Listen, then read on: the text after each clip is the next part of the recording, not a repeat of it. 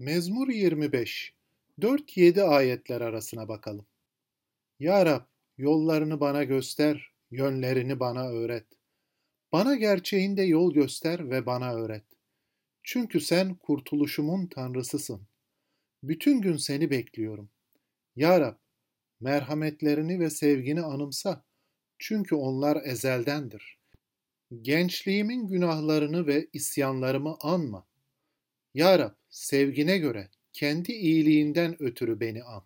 Tanrı'nın bereketini ve iyiliğini Tanrı'nın yolunda aramamız gerekiyor. Tanrı'nın kurtarışını, korumasını ve ihtiyacımız olan şeyleri Tanrı'nın yolunda duraraktan, onun eline bakarak aramamız gerekiyor.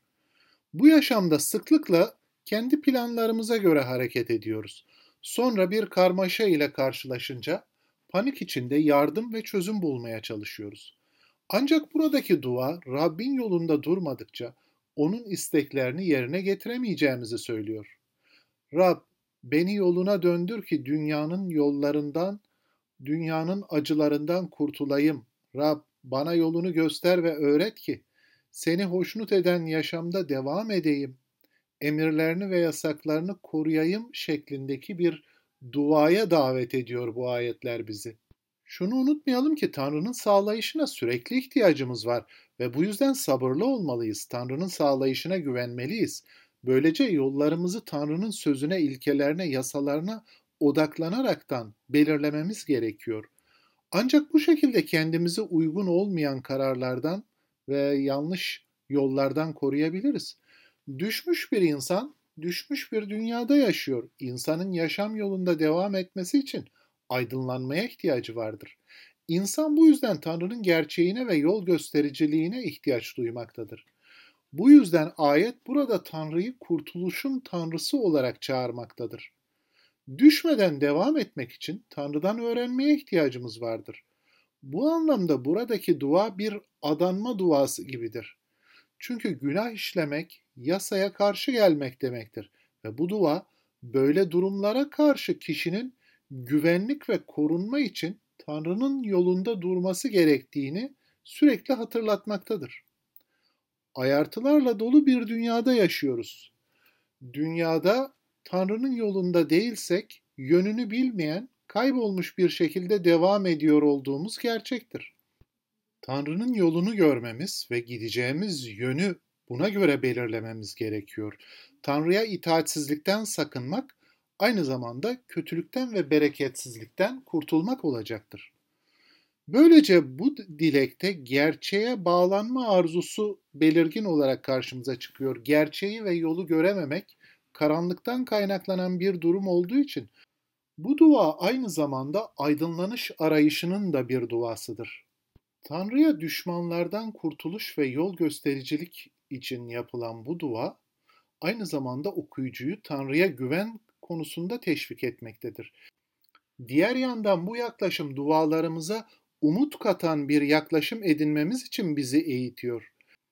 Mezmurcu ruhsal bir kişinin nasıl olduğunu anlamamıza yardım ediyor. İhtiyaçlarını dile getirmekle duasını bitirmiş olmuyor. Bütün gün Tanrı'ya odaklanıyor. Tıpkı birinci mezmurda Tanrı'nın sözlerini derin derin düşünen o kişi gibi. Onu derin derin düşünüyor. Tanrı'nın sözlerini, işlerini, sağlayışını, vaatlerini, yasasını, bereketlerini, yargılarını düşünüyor.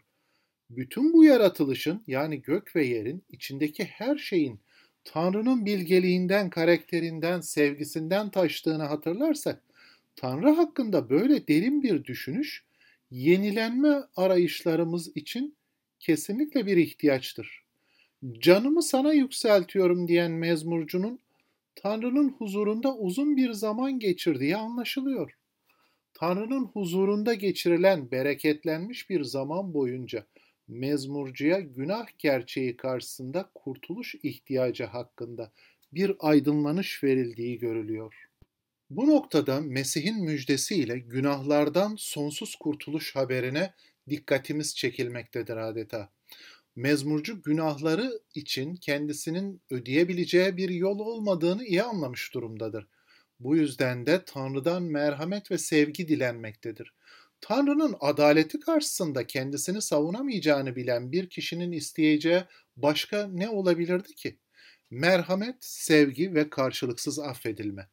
Tanrı'nın kutsal ve adil yargısı karşısında kendisini savunamayacak durumda bulan bir kimse ya da savunamayacağını bilen bir kimse, kutsal adalet Tanrısının merhametli olduğunu dünyaya hatırlatmaktadır. Diğer yandan bu duada Tanrı'nın karakterinin de açıklandığını görüyoruz. Kutsal yazıların Tanrısı halkına iyi olan yolları öğreten, kutsal yolları gösteren bir Tanrıdır. Bu Tanrı sevgi ve merhamet ile halkına yaklaşmaktan hoşnut olan bir Tanrıdır.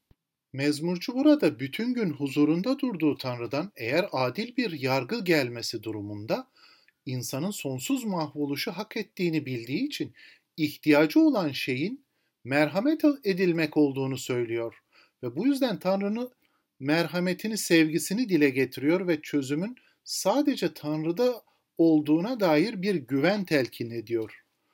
Zorlukları Tanrı ile birlikte aşmayı umut eden bu yaklaşım, günahları ve isyanları dile getirirken beklediği iyilik ve kurtuluşa karşın bunları gerçekte hak etmediğini kabullenmiş durumdadır.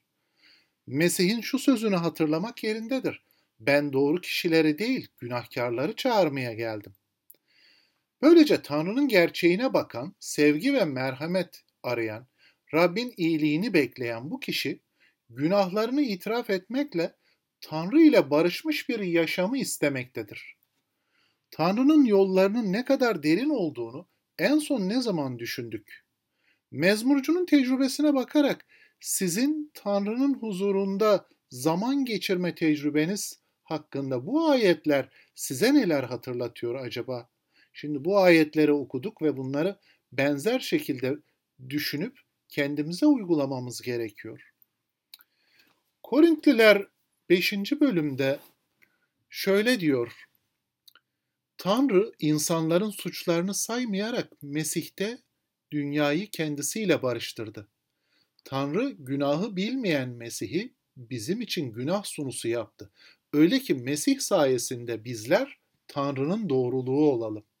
Mezmurcunun buradaki yakarışını kendi yürek duamız, yürek yakarışımız olarak alalım. Onun yol göstermesini, Rabbin öğretmesini ve kurtuluşu ondan bekleyen bir yürekle sevgiye ve merhamete ihtiyacımız olduğunu, kurtuluşumuzun Rabbin sevgisi ve merhametinin armağan edilmesiyle mümkün olduğunu hatırlayaraktan dua etmemiz gerekiyor. Ve elbette duamıza mezmurcu gibi günahları ve isyanları itiraf ederekten ve Rabbin iyiliğini üzerimize çağırarak Rabbin kurtarışını, bereketlerini talep etmemiz gerekiyor duada. Mezmurcunun sözleriyle dua ederek kapatalım. Ya Rab, Yollarını bana öğret, yönlerini bildir. Bana gerçek yolunda öncülük et, eğit beni. Çünkü beni kurtaran Tanrı sensin. Bütün gün umudum sende. Ya Rab sevecenliğini ve sevgini anımsa. Haleluya. Çünkü onlar öncesizlikten beri aynıdır. Gençlik günahlarımı ve isyanlarımı anımsama. Sevgine göre anımsa beni. Çünkü sen iyisin ya Rab. Amin.